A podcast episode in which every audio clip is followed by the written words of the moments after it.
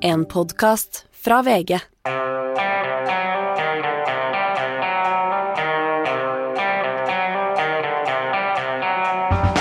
Putin eh, kaller USAs sanksjoner for en økonomisk krigserklæring. Og norske akademikere med opprop mot Ja, hva er det egentlig de roper opp mot? Det er, kommer ikke helt tydelig frem. Dette er Giæver og gjengen, og det er onsdag den 9. mars. Eh, ja, Per Olav. Det har kommet sterke reaksjoner fra russiske myndigheter på, på det nye amerikanske forbudet mot eh, russisk olje og gass. Ja, det blir jo da kalt en, en økonomisk At USA har erklært økonomisk krig mot Russland. Mm, det er jo eh, sånn at eh, eh, denne oljeboikotten som USA har innført, er jo ikke i seg selv så viktig. Det er ikke så mye USA kjøper av råolje fra, fra Russland. Men det er jo likevel et, en opptrapping, og det rammer jo for første gang på en måte energisektoren. Da. Men det er jo samtidig klart at Europa har jo ikke Eh, tenkt å følge etter. Eh, I hvert fall ikke nå.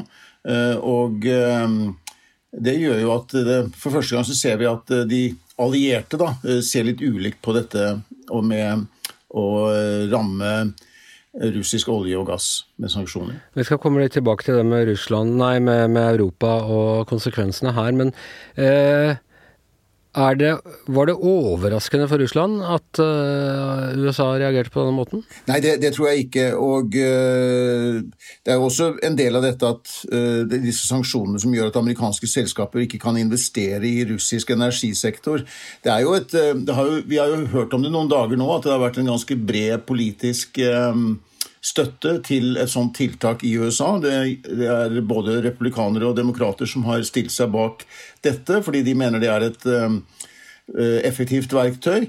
Um, når, når, Kreml uh, sier at USA har erklært økonomisk krig, så er jo det ikke så overraskende. Altså, under Putin så har man jo hele tiden uh, lagt vekt på at, at USA vestlige land på en måte er Russlands motstandere og på alle måter forsøker å hindre Russlands vekst. og, og Det er på en måte i tråd med det som har vært kjente toner selv før krigen i Ukraina. Det er jo, altså må jeg også si det, at det har jo med retorikken til Putin å gjøre. Han sa altså at, uh, at det er et angrep på hovedpulsåren i uh, russisk økonomi. og det høres ut som han da ønsker at det skal oppfattes som, eh, som en krigserklæring? da? Ja, det er jo en opptrapping av retorikken eh, der. Det er en veldig klar årsak til at disse, reaksjonene kommer. Det skyldes at det er Russland som har gått i krig i Ukraina. Det er ingen annen årsak enn det. Men det er jo samtidig sånn at det er jo riktig at dette er jo livsåren. Dette er jo eh, for russisk økonomi, olje og gass, er jo, de er jo først og fremst en energieksportør. Men de vil fortsatt eh, ha sine markeder til Europa og til eh, Asia, eh, og ikke minst til Kina. slik at Det er jo ikke slik at deres og de tjener jo på de høye gass- og oljeprisene Russland også, i disse tider. Hva slags økonomisk gjengjeldelse kan Russland komme med mot Vesten generelt og USA spesielt? De kan, Det mest effektive virkemiddelet de har, ville være å stenge da Nord Stream 1-rørledningen eh, fra Russland til Europa, altså, altså som frakter naturgass. Eh, det, de, nå har jo tyskerne allerede sagt at de ikke foreløpig vil ta i bruk Nord Stream 2, som er en ny oljerørledning som går gjennom Østersjøen, under Østersjøen. Men Nord Stream 1 frakter jo gass til Europa, og det kan Russland stenge av om de skulle velge å svare. De har jo nå sagt at de skal tenke seg grundig om før de kommer med et svar, men at de har en mulighet og en rett til å svare. Det vil jo, det vil jo være ramme Russland selv, selvfølgelig, eh, med de tapte inntekter de ville få. Eh, men det vil også ramme USAs allierte i Europa veldig hardt, fordi Europa hungrer etter energi. Ja, og apropos eh, USAs allierte i Europa. Sindre Heyerdahl, eh, det får konsekvenser for oss òg, denne hva skal vi si, handelsdelen av, av, krigen som nå foregår? Ja da, absolutt. Og eh, vi er jo i likhet med eh, Russland en energistormakt. Og vi er jo den nest største leverandøren av gass til kontinentet. Etter etter nettopp russerne og deres kjempeselskap Gazprom, så nå skuffer vi jo inn. Det er jo eh, helt absurd. Det er jo nesten tenk på et tall hvor mye eh, vi profitterer på dette nå. Eh, og jeg ser det nesten litt som at den offentlige Norge og olje- og gasselskapene de er liksom onkel Skrue nå, som bader i en gigantisk pengebinge, mens eh, vi vanlige folk eh, er Donald Duck, eh, som får litt sånn ulønnet arbeid av onkel Skrue, og ser at mange av våre utgifter går opp, og at vår lommebok trues. Og altså, Dette har vi jo sagt om siden lenge før det ble noe krig. Når vi tjener så mye penger på olje, på gass, på strøm, de er offentlig eide alle disse eh, selskapene som nå blir rike, hvor da, hvorfor har de ikke funnet på en måte å tilbakeføre disse penga til eh, norske forbrukere? Nei, det er jo et, eh, et, stadig bedre spørsmål, det. Når vi ser hvor ekstremt det blir. Og det er altså en ekstrem offentlig rikdom. Vi kan eh, forvente oss et vanvittig inntak eh, i statskassen i år, og til oljefondet også.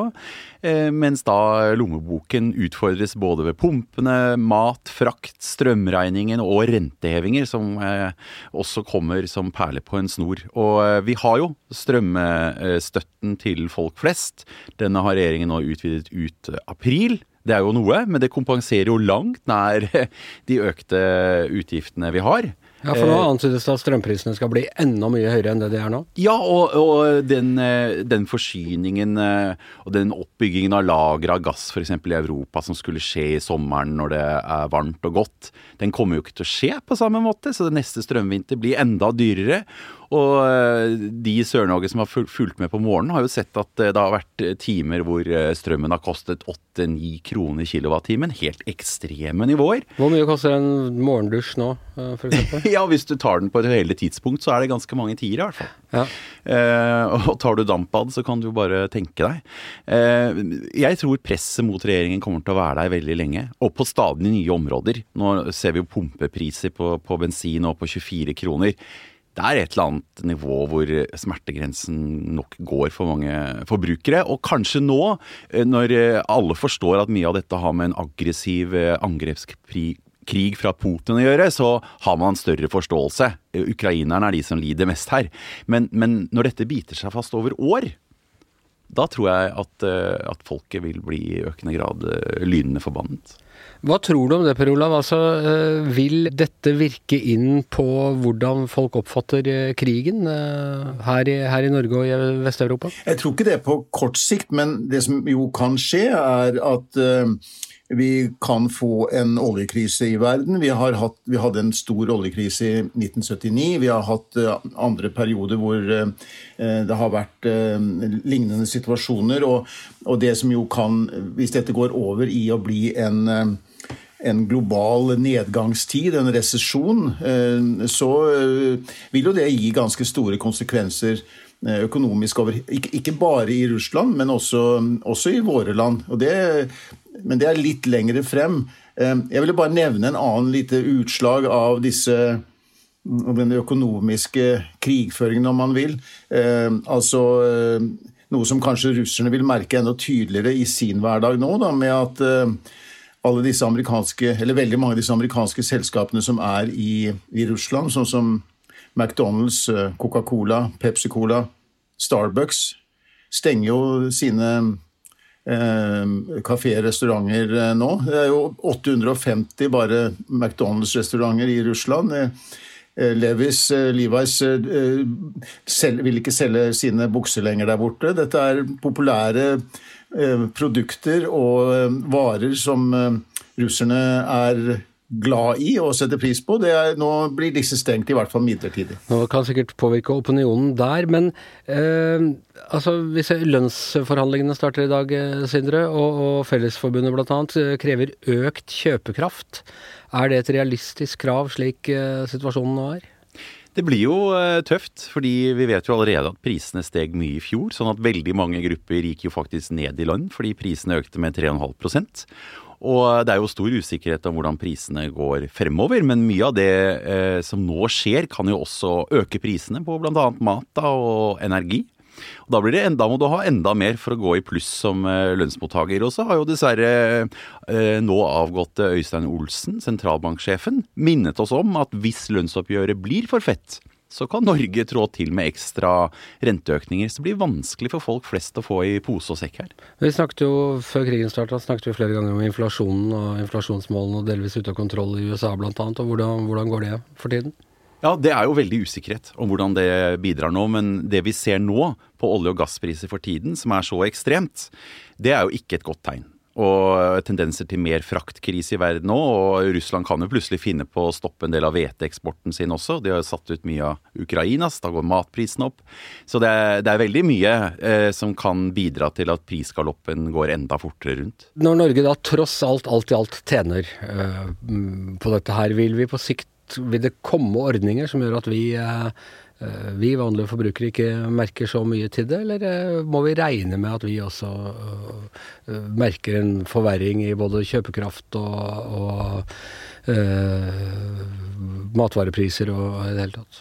Ja, det er jo fristende å spørre finansminister Vedum om det, da, som nå bader i pengebingen sin. Men jeg tror i hvert fall at eh, kravene fra folket og, og presset mot regjeringen om å kompensere på felt etter felt, det vil bare øke. Eh, og jo tydeligere dette bildet blir, med da ekstreme priser på mer og mer av det vi ser og omgås i hverdagen. Eh, per Olav, vi snakket litt i går om de diplomatiske initiativene som, eh, som var tatt. Det var flere. Er det, er det, noe nytt om noen av dem? Vi ser jo frem til dette utenriksministermøtet som skal finne sted i Tyrkia da, eh, snart. Mellom den russiske og den ukrainske utenriksministeren. Det er jo en del som foregår i kulissene her. Det er jo åpenbart også at de kravene som Russland i utgangspunktet stilte, eller den begrunnelsen som Putin kom med for krigen, den er jo liksom litt under revisjon. Da. Nå er det mer snakk om at hvis eh, Det siste som kommer fra Kreml, er jo at eh, hvis nå eh, Ukraina er villig til å akseptere at Krim for alltid er russisk, og akseptere at disse utbryter de såkalte folkerepublikkene der i Donbas er, er, er, er ute av Ukraina, og Eh, at de dessuten ja, skal holde seg utenfor Nato, eh, så, så, så, er det ikke lenger eh, regimeskifte som er nødvendigvis en Men dette er jo allikevel veldig drøye krav da, til Ukraina, så det er jo stor, stor, en stor jobb å gjøre der. Men det skjer ting i kulissene, tror jeg, og det er en viss bevegelse i posisjonene, så man kan jo håpe at det kan føre frem. Zelenskyj har også antydet at eh, Nato-medlemskap ikke er realistisk? Ja, og det er kanskje en måte å forberede sitt eget folk litt. at han, Når han sier at eh, han vil ikke krype, og eh, han er, når han ikke er ønsket i Nato, i hvert fall ikke nå på dette tidspunkt, eh, eller på, i, i, i, overskuelig fremtid, så, så, er det kanskje ikke så Ukraina har jo lovfestet at de, skal, at de er søkere til Nato, at de, de står på dette Nato-medlemskapet. Hvis de bøyer av på det punktet, så har Putin da oppnådd noe. Ok. Det kan bli, bli mer spennende rundt dette i de aller nærmeste dagene. Tusen takk skal dere to ha. Ja, vi skal uh, snakke litt om uh, en litt snevrere del av uh, krigsdebatten. Det må man vel nesten kunne få lov til å si. I universitetstidsskriftet Krono så sto det denne uken et opprop underskrevet av 36 vel ansatte forskere, eh, som, eh, som skriver Jeg leser opp hele, for det er ikke så langt. Russlands angrepskrig i Ukraina har preget nyhetsbildet de siste dagene. Vi og andre forskere med relevant kompetanse har reagert på Putins desinformasjon ved å ta del i den offentlige debatten som foredragsholdere og kommentatorer med ofte svært forskjellige vinklinger og meninger. På denne måten har vi ytt vår skjerv til et av demokratiets adelsmerker, den frie debatt. Fri debatt fordrer samhold om reglene for slik debatt.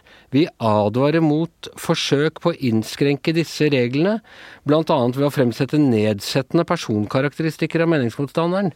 Dette er en form for politisk og ikke faglig virksomhet som må unngås. Og så da underskrevet av, av en hel eh, rekke kjente og noen mindre kjente eh, forskere, 36 i tallet. Og jeg må jo si, Astrid Mæland, når jeg leser dette her, jeg får jo et eneste stort spørsmålstegn. Hvem er det de snakker om? Hvem er det som har snakket nedsettende om hvem, og hvor har dette foregått? Godt spørsmål, Anders. Jeg skjønte heller ingenting av det der eh, oppropet.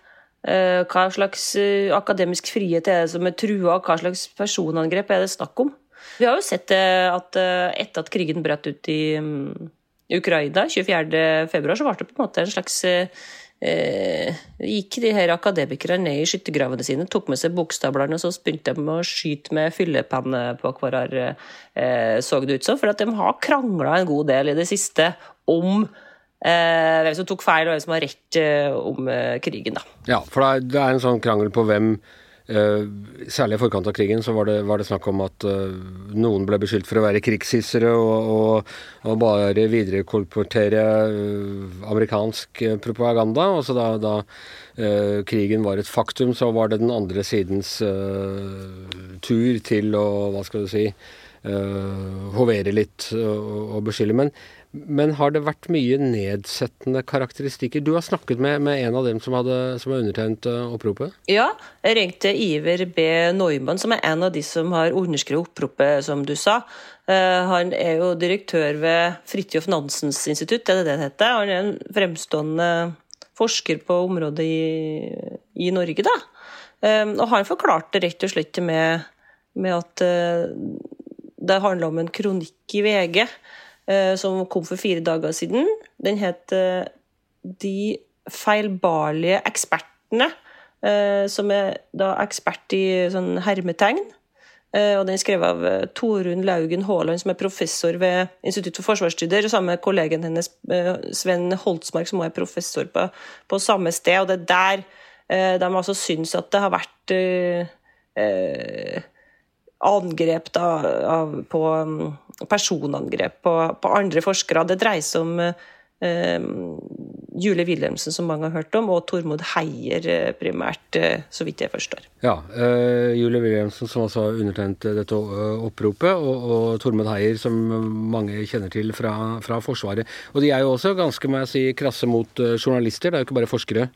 De kritiserer, men, men, men, de skriver da i, i, denne kronikken i VG at Eh, to grupper som må gjennomføre en tilsvarende selvransakelse, altså på linje med politikere, er journalister og de såkalte ekspertene eller forskerne, og det gjelder samspillet mellom dem. og De mener vel, litt kort fortalt, at, at enkelte forskere har hatt for uh, fri tilgang til mediene, uh, og at de ikke har fått nok kritiske Uh, motspørsmål, og så stiller, han, stiller, de også spørsmål ved kompetanse til noen av de som, uh, som uh, gjengangerne. Noe som selvfølgelig er lettere å gjøre når, når, når vi har fasiten på om det, om det, ble krig eller ikke. Men er det, er det veldig nedsettende, eller er, det, er dette innenfor rammen av hva man må kunne si er skarp faglig uenighet og polemikk? Ja, Den ene sida mener at det er helt innenfor rammene av Eh, at det er slik det skal være, at det er slik forskninga går framover, at vi kritiserer hverandre. Mens eh, den andre sida mener at det, eh, det, det, det hemmer på en måte debatten, og at det handler om personangrep, og at man prøver å gå løs på hverandre med, med, med personangrep heller enn å diskutere sak. Altså, sånn er det jo det er jo akkurat som et hvilket som helst kommentarfelt, det her. vel, Det er jo slik at de så ble beskyldt i starten for å være krigshissere, de følte jo veldig behov for å få gjenopprette æren sin litt etter at krigen eh, var et faktum. Fordi, eh, og det fikk de jo. Altså, vi husker at Klassekampen har skrevet innlegg. Bjørgulf Bråen, tidligere sjefredaktør i Klassekampen, har skrevet innlegg om at han tok feil. Og de har òg beklaga overfor forskere som Klassekampen har kritisert for å kjøpe Natos amerikansk propaganda osv. Så, videre. så de kom jo ovenpå og fikk ganske stor støtte kanskje i media, fikk, eh, kom med den eh, versjonen sin, fikk sympati. For de har jo tross alt eh, hatt mer rett enn de andre, som mente at en invasjon var lite sannsynlig. Det var jo ikke egentlig noen som trodde at en sånn storskala invasjon eh, som vi har sett nå, da, at det var det som kom til å skje. Men eh, det var nyanser her, ganske store nyanseforskjeller. Eh, men etterpå nå, da, så, så, tar kanskje den, for å si det litt barnslig, så tar kanskje den andre sida litt hevn igjen, og kommer med det her oppropet og mener altså det at eh, den første gruppa har vært for drøy i språkbruken. Men det jeg da ikke skjønner, greit nok å mene det, og, og det har sikkert vært, vært, noen som altså i etterpåklokskapens lys har, har, triumfert i overkant, men hvorfor rykker de, går de til et skritt og rykker med et sånt opprop hvor de snakker om den akademiske friheten, og det, det er store ord og, og, store verdier som står på spill, men så sier man ikke hva det dreier seg om? Mm. Det er liksom en sånn innforstått kommunikasjon som du på en måte må være forsker for å skjønne hvem det snakkes om, og hvem som er hvem, og hvem som er sure på hvem her? Ja, jeg tror at uh, det handler litt om at, uh, den, uh, at de ikke ønsker liksom, altfor mye fokus på, på stridigheter i andedammen, når det tross alt er så alvorlig som det er, det som skjer i Ukraina. Det var derfor også at det ble sendt til Krono, ikke VG, selv om den kronikken som de egentlig svarer på, sto jo i VG. Ja, det sto en i Dagbladet av, av, de samme, samme, forskerne, tror jeg. Mm, sånn at det, det handler vel litt om det. Altså dem som skjønner det og trenger å skjønne det, de skjønner det på en måte, hva det her er snakk om, mens vi andre vi skjønner jo ingenting. Men jeg fikk lov til å sitere Iver Ben Neumann på um, at han sjøl har vært personlig uenig i en god del av det som har vært sagt i debatten, fra flere, men han vil likevel gjerne stå opp for folk sitt, sin rett til å si det de sier. Eh, altså ikke skal, eh, ikke skal ødelegge demokratiets spilleregler ved å gå løs på hverandre på den måten. Jeg skjønner at det, det er litt sånn voltærsk eh, eh, begrunnelse for det her oppropet her. da, ikke sant? At, Tror du de har en ambisjon om at de de nå kritiserer, skal ta rev i seilene når de får en sånn litt dulgt kritikk, ikke helt spesifikk kritikk, eller skjønner de at dette kanskje egentlig bare trapper opp det giftige ordskiftet? Nei, jeg vet ikke. Det er jo 36 ganske fremtredende forskere som har skrevet under på det oppropet. Mange av dem er jo eh, kjent og blant de fremste, sånn at det er vel litt sånn spørsmål om smak og behag. Det grunner, det bunner i til slutt. Det er et håp om at eh, eh, språkbruken skal liksom eh, deeskaleres på, på begge sider. Ok. Får vi noen nye runder i denne debatten? Er det, er det grunn til å håpe for det, for oss som, eh, som, lever av norsk debatt? Ja, vi har jo en avlegger allerede. Det er den der eh, uniformdebatten. Jeg vet ikke om du har sett den, eh, Anders, men den eh, handler altså om at en del av de her ekspertene stiller på TV i eh, full militæruniform, som eh, deler av forskningsmiljøet er imot, fordi at de mener at det på en måte legitimerer forskerne sin synspunkt får det til å se ut som det er liksom staten sjøl og forsvarssjefen sjøl som mener det som de forskerne i uniform eh, sier. Og Det ble løfta på Dagsnytt 18 av um, samfunnsdebattanten Elin setter her om dagen. Og Aftenposten har også hatt en kronikk i dag der de mener at uh, forskere får gå i vanlige klær. Jeg trodde det var en policy i Forsvaret, rett og slett. Ja, at eh, de som er eh, forsvarsansatt eh, og opptrer i offentligheten, skal ha på seg uniform. Ja, og forsvarssjefen mener fortsatt det.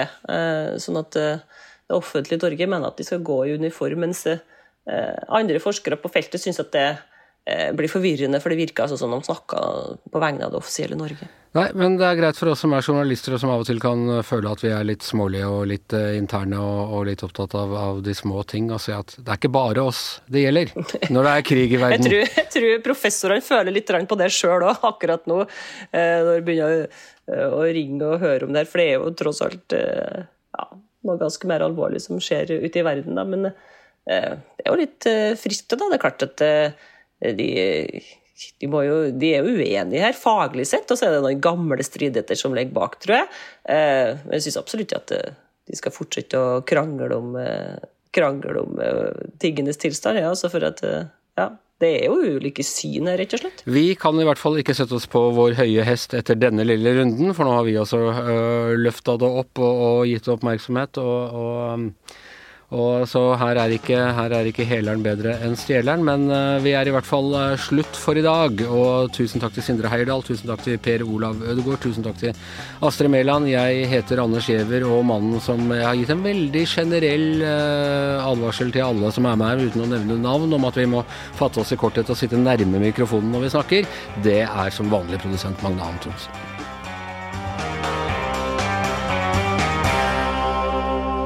Du har hørt en podkast fra VG. Ansvarlig redaktør, Gard Steiro.